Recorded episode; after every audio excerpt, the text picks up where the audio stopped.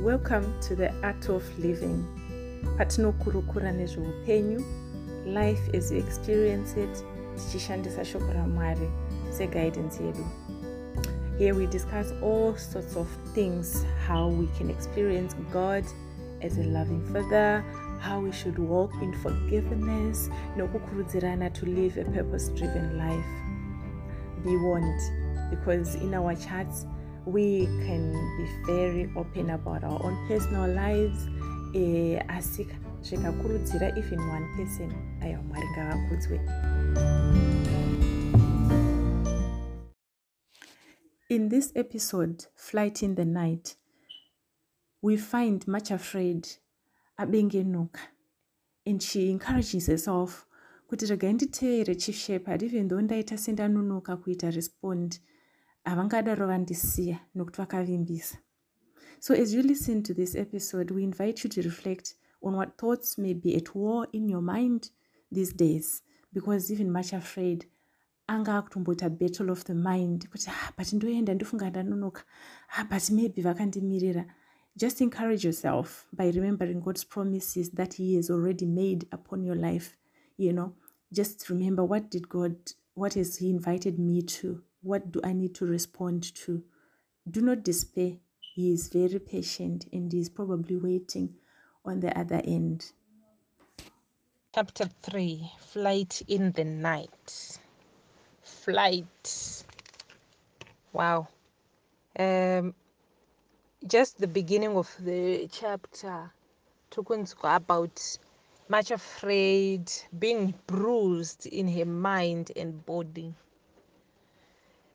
and because of the experience she had gone through we are bruised.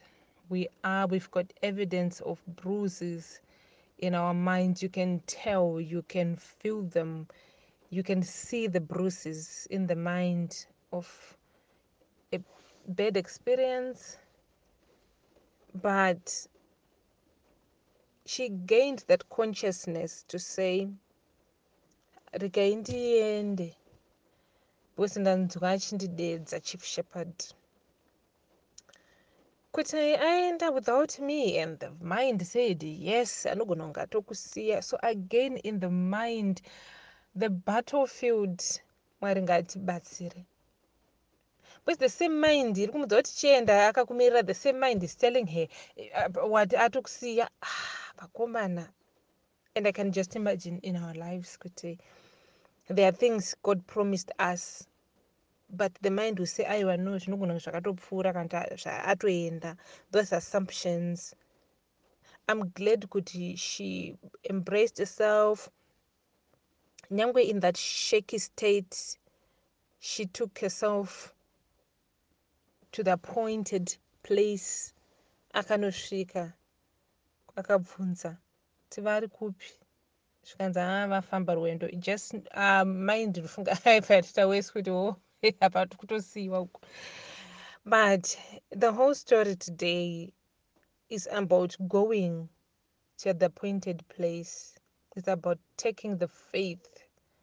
It's about believing.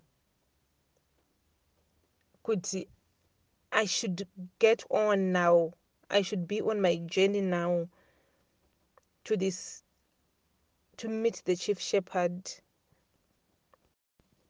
The reply of the chief of the sheep guarders anzi ah vaenda ku ku the high places where he of where he often does saka he's always going It's not as the zvinotozikanwa kuti chief shepherd vanogara vachita zvinotozikanwa and haatauri nguva dzaanodzoka asi anototaura kuti pandinoenda handitauri nguva dzandodzoka am like wow. Saka he is busy taking people to high places.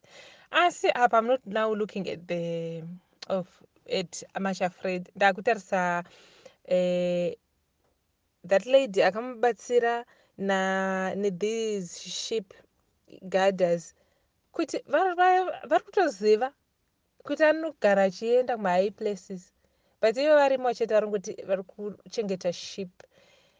Ha saka unogona kutoshuwa kutogara ka?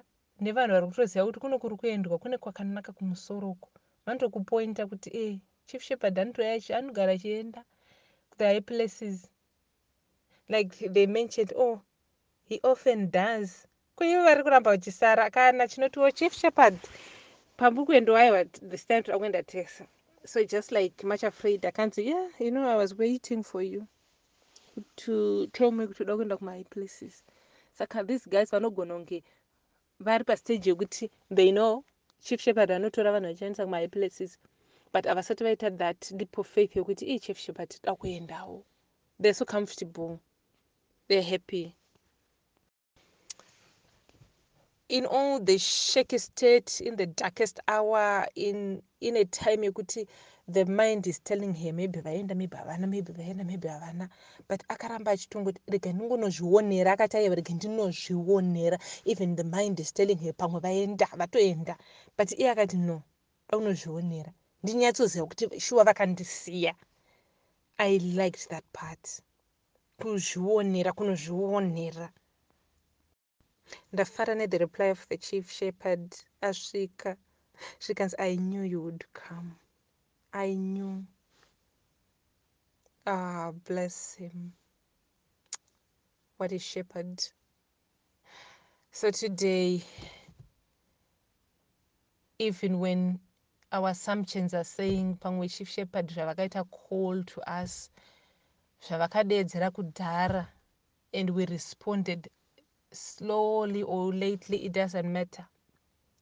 It doesn't matter. Pawatongozozvifunga pacho kuti aiva vakandidana chitongodayira he will be waiting. Kudedza vakatidedza kudhara. A ah, takadedzwa kare eh, on different occasions voice ravo rakatopfuura nepamawindo pedu richidedza. On different occasions takatobatwa nefiye but kungomuka chete munhu torova pasi chitongoteera. The good the, the chief shepherd. Aiwa kudanwa takadanwa. Saka pane delay yenguva yekuti nguva yashedzwa nenguva yatazotora isusu kuita respond kwavari kuvateera. Uh, inogona kutisiya nei but at the end of the day. Munhu wazoteera here. Wow julie. You've really really explained it so well i like um, even pawataura kuti ah, inoziva kuti cheunogona kunge urimo zvako uchitori vakadaidzwa uchitobatsira uchitoita zvese zvinodiwa in the body of christ. But usingamboite kana shungu dzokuita venture kumahigh places and youare content with your lot. Hey that's quite a challenge in itself isn't it? You know so hmm, kumahigh places ndiko kuto kudesire you have to want to go there. It's just another level that inongoendwa nevashoma only. Not kuti vari chosen but vachuza ivo kuti ndoda ah, kuemboenda ikoko kunoswera the chief shepherd. Imagine ndokwavanoswera saka noda kuswera nachief shepherd ka. Chingogara uri kumahigh places bcause ndokwavo ikoko. Uku kumwoko vanoita chiuyo kana vadedza but kumahigh places handifungi kuti ndombonidawo vadedza its just there you hang out. I loved it yeah i've also noticed kuti even uchifunga kuti ah season yangu yezvandakambodedzwa paipe kuti ndiende kuya kuya. Yakapfuura it's never too late. Even today you can decide kuti chii cheche chandaimbodesire that time. Even when that desire is probably like waned off a bit it's a matter of saying ah, i'm ready. And pursue it The chief shepherd is always waiting. He's always waiting. It's never too late. I'm sure anything to do with um, the calling of God upon your life, ka chawaka desire, invitation is open.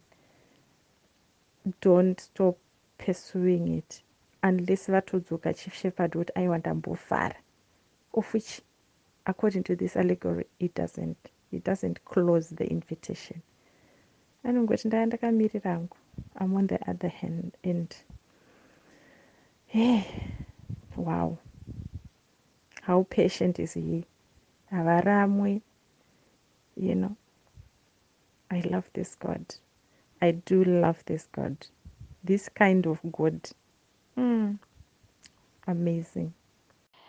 Ndandichitarisa achafred pakufamba apa akuenda um hanzini mm, bhanga achitaura nezverudo akati oh shepherd when you said that love and pain go together how truly you spoke. Because kunyange ka angambotadza kuresponda because of the mambo jumble of the emotions that were going through her body or her soul or her what life. But that seed of love here vadikani rudo rwamwari ruri maurika. Its like fire in your bones. You will not shut up. You zvavatoite you do it. Not because of anything but love compels you. Tinoona even mushoko ramwari jesu aiti akatarisa munhu will be moved necompassion and he would do love and mercy together. And love yamwari iyoyo yavo chaiyo chaiyo ndiiyoyo ndo inoita kuti munhu aite kuda kwamwari that love of god it makes you obedient even kune zvinhu zvanoti kochekwa ichocho ichi but that love uchirwadziwa asi unoona uchiita zvokuti munhu wese anoshama kuti what's wrong with you? Don't you understand? But the love that you yamwari kana iri mukati mako you would want to do even the impossible. The pain will be there but pain won't hold you back you just be do. So love and pain for real they go together. They really go together. So at times kona munhu achiita chinhu chaunoti naimi kondo chiko naimi ndokunamata kwacho uku. Yowe. Just understand the love of god. The seed is in that heart. Then we look at uh, um, the paragraph again it came to her mind that he who understood her so well who knew who knew all about her fears and had compassion on her would not leave until he was quite sure that she really meant to refuse to go with him. She lifted her eyes, looked across the valley toward the eastern mountains and the high places. A faint streak of light was appearing in the east, and she knew that soon the sun would rise. Suddenly, she remembered that the last verse of the sad song which she had read, the last verse on the page, which she had not waited to turn over, it came whispering to her mind just as a little bird began to sing in one of the bushes beside.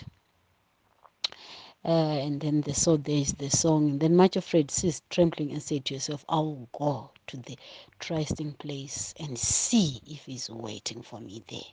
With scarcely a word the watchman she turned hurried southward over the field. Uh, i won't carry on there but uh, she is beginning to trust the chief shepherd with kana haangamboenda asinyatsoziva zviri mwoyo mangu. A relationship is beginning. Hanzi napisarema 25 blessed like he said uh, like when we trust in him will never be brought to shame. She knew she knew. To those who put their trust in him they'll never be brought to shame and for real she said andinoe ndonozvionera a relationship of trust because akatanga kutarisa character yashepard yaanoziva kati kana haaendi achindisiya haaendi anotenge atonzwisisa. And you know like shoko rinotaura kuti those who seek him diligently will find him. And she had to sought after him. She sought after him with everything within her. Achikamhina kudaro shingirirad and sought after him. And she wasn't brought to shame. You know ndangotarisa ndikati shuwa shoko rinoti those who put their trust in him ka aiwa vambonyadziswa. And richizotaura zveshoko kuti though his promises may be many they are all yes and amen. He promised to take her. And she said hambondisiya and yes his promise was still standing haa ndakurudzirika kozi ndangi tichiverenga ka scripture yebva yoti ndo izvi kaizvi ndo izvi kaizvi. Saka i looked at it ndikati mwari for real vauya kwamuri ka hamumbovaramba hamumbovaramba vazvipira hazvina basa kuti vazozvaita sei. When you decide that chichi i will follow him you know that song that we sing kuti i have decided to follow jesus. I have decided to follow jesus. I have decided to follow jesus. No turning back no turning back. You know when you decide kati aiwa ndo zvandazvipira kuita the holy spirit is help you. Is there to help you is going to help you. The iwewo chako kudecide and then the holy spirit gives you power. And the love compels you. And you get you get there i love i love this i love this shepherd. I just love this shepherd. Because sure ka zvisizvo ka hakuna ekuenda kumahigh places. Thank you ladies. Thank you. Thank you for sharing and when she took her hymn book her song book to sing it's still coming back. Zvataurwa zviya music does something to us. Music does something to us on our journey to the high places. And i'm so glad zvangu kuti i grew up in an environment where my sister used to sing. So I'm glad, Lily, you taught me to sing and to worship. So thank thank you because I was raised in that environment, but I need to do more to sing that which is relevant. because like explained, is it my baker who explained kuti uh, panenge paine emotion attached to the song munhu akaiimba kana akainyora had something in them. So usually you get so sad when you sing a sad song you get so emotional you get so happy when you sing a happy song. So i i noticed when she was singing she got reminded of oh he cares he's waiting for me. Zvino zvimwe futi zvakamupa simba rekumuka kuti aende kunosangana nachief shepherd the other thing that i wanted to say is uh, julie pangaitaura about ne mrs valiant kana tikazosvika kumountain spices ufind kuti vakatoenda ndosaka vaivhairira manhengi kudaro. Mrs valiant vakaenda asi the, the, the guy avavo vekuchengeta makwai whatever i don't know but mrs valiant vakatoenda kumahigh places. Tinozozvinzwisisa nekumountain spices kuti kosaka wakaenda mahigh places zvinozofamba sei. Ndo rinozotsanangura how life carries on. But um, its like uniwowo ndehwevanhu vakatoenda kuva nehinds fit kudhara.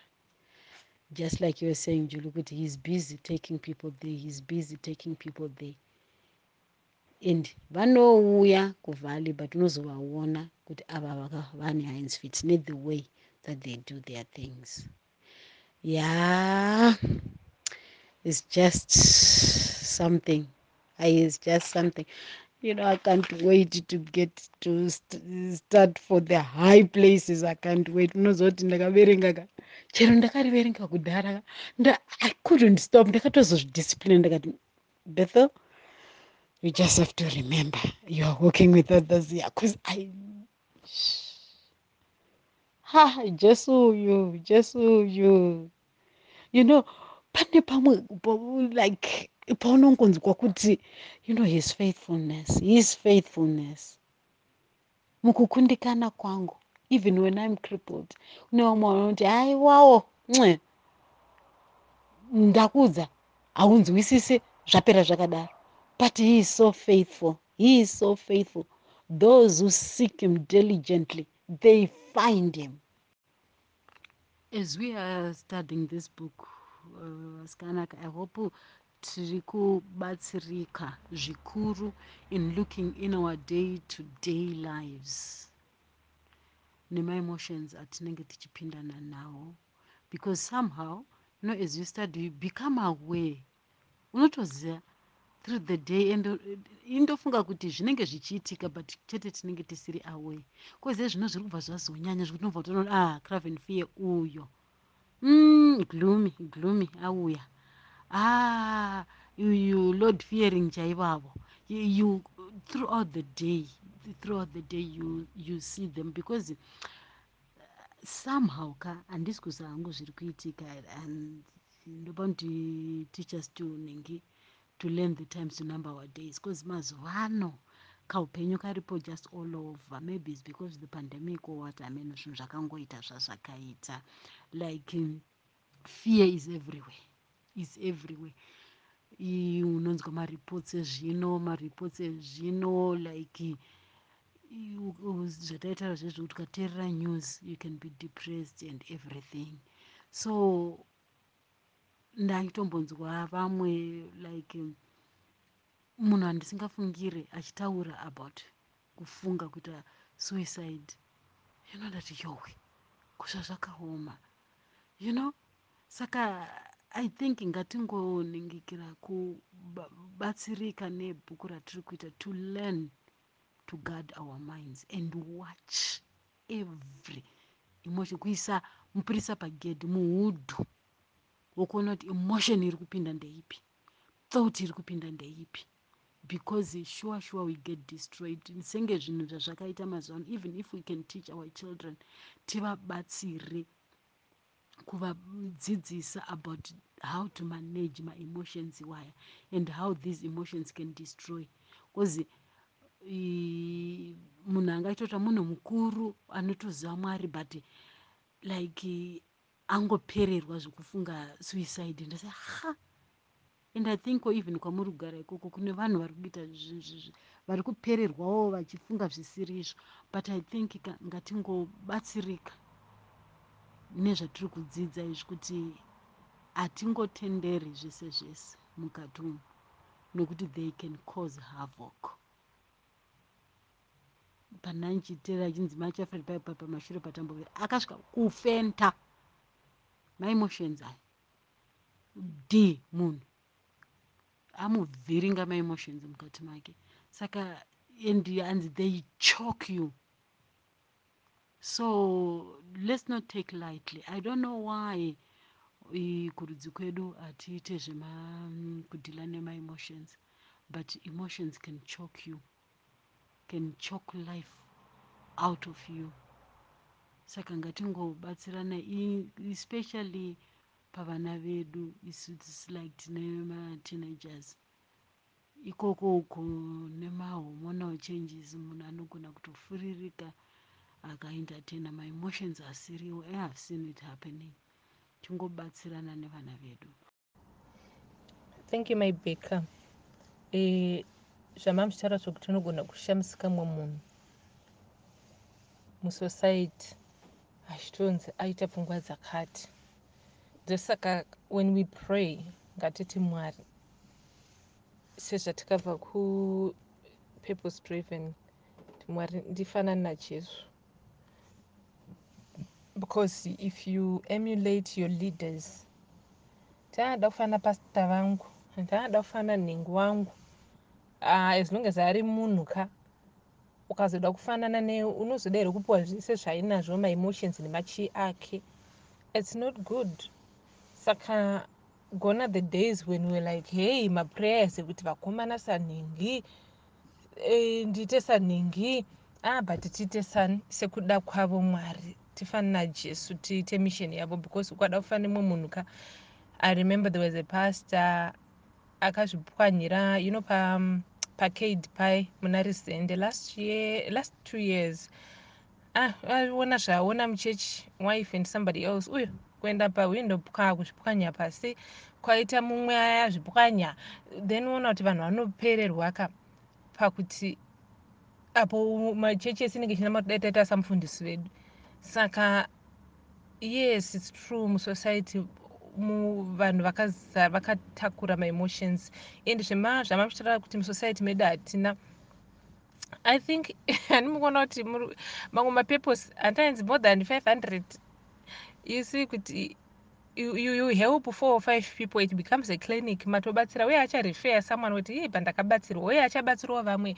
Zvinova neinfluence kuti once you help someone or once you help yourself you can share kuti ii ndaitombova nemathoughts akati but i captured them ndakaisa gad hapana anongoti ndapinda ndapinda. Panotosetywa kuti kuda kupinda uda kuita nezvemubrain mangu. Saka because i know hangu kumadeveloped worlds vane izvozvi zvemaanger management clinics izvozvo but even tisinedi maclinic acho isusu as the salt of the earth as yeast. We need to change. Once we change the next person to us will change. Kusvika zvatova contagious. Change yacho yekuti ha akomana akapfungwa dzakati hadzitenderwe.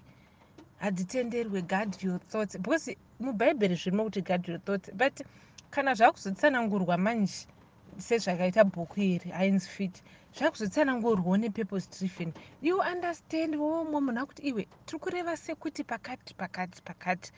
Because the bible is just packed but rakuda kuti unpack nesu rakuda kuti unpack nethe children of god so that we bring light to the world. Thank you very much for sharing. Aya maibheka here vanotongondinakidza hangu mukati chi mukati hanzi panotoda hood pagedhe remind rehatiri hudhu chaiye ndandava ndafunga hudhu zveshuwa. We thank god. Like um i can just briefly share with you guys kuti i've really really this book uh, ndakamboriverenga hongu but I, i like the fact that i think chinhu chese zvangufa nesong or even abible verse unogona kunge uri familiar with it or wakamboinzwa but when it's coming to you at a certain time in that season it will have a different meaning altogether or it might reinforce something or it might be another it's just something about like something refreshed and refreshing about that word kana rakudzoka nerine kakurify katwik kanoita kunge rauya rakabereka so and then rosiya rakuchinja futi from where you are. So um ndiri kutarisa kuti at this time around when i'm reading this book like just for these three chapters dzataverenga i've been so wary of my, my like fear uh, when it as it presents itself like as soon as it starts to poke its nose I'm like, I'm not gonna be much afraid right now because I can see you. Like the other day, like the other day, um, my um, on our siblings chat, you know, there was a message yakauya, you know, which really, really, on any other day would have made me shudder with fear. But then the approach thankfully julie is also going through the same work with me. So we were able to sort of quickly rise up against the message iyoyo and sort of like not feed into the fear but kubvisa handi zvinonzi like fire handiti you need like three things handiti kuti air you need um, ignition and then you need what? The soti the substance kuti so um, takango we starved that fire somehow by just re responding. Actually i i deliberately took my time to respond. Zvinhu zvisiri hot hot. Only to respond now. Ndichingoti ya chakati chakati chakati. And wotoona kutoti ah neuyoye one of you. Pakati penyu masiblings anga akuratidza kuti a abhoila apera basa. Ah akutozi ah e chokwadi. Vamwe vese pandakunzwei muchitaura ah chokwadi. So i was like wow this book ka it's making me to really quickly recognize things that i normally would have sort of like let in kabisira. Ndozvibvumidza but iye zvino izvi zvikuratidza kuti hudhu chihudhu mahobho ari ari mupfungwa dzangu aitaka kumuka aenda kurefresha course. Anenge akutanga futi kuita basa rake the way he, he or she was supposed to. So thank you very much for being part of my journey. Nezvese zvamunongotaura vanhu vamwari i love you so much guys. Thank you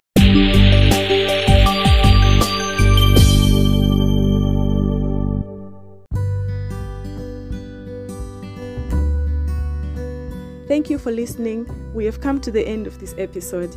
If you have any questions relating to what's been discussed, or you just want to share your own experiences, please email us on the art of living zim at gmail.com. The art of living zim at gmail.com. And please don't forget to share this podcast with others if you're finding it helpful or interesting. Hope to hear from you soon. See you in the next episode.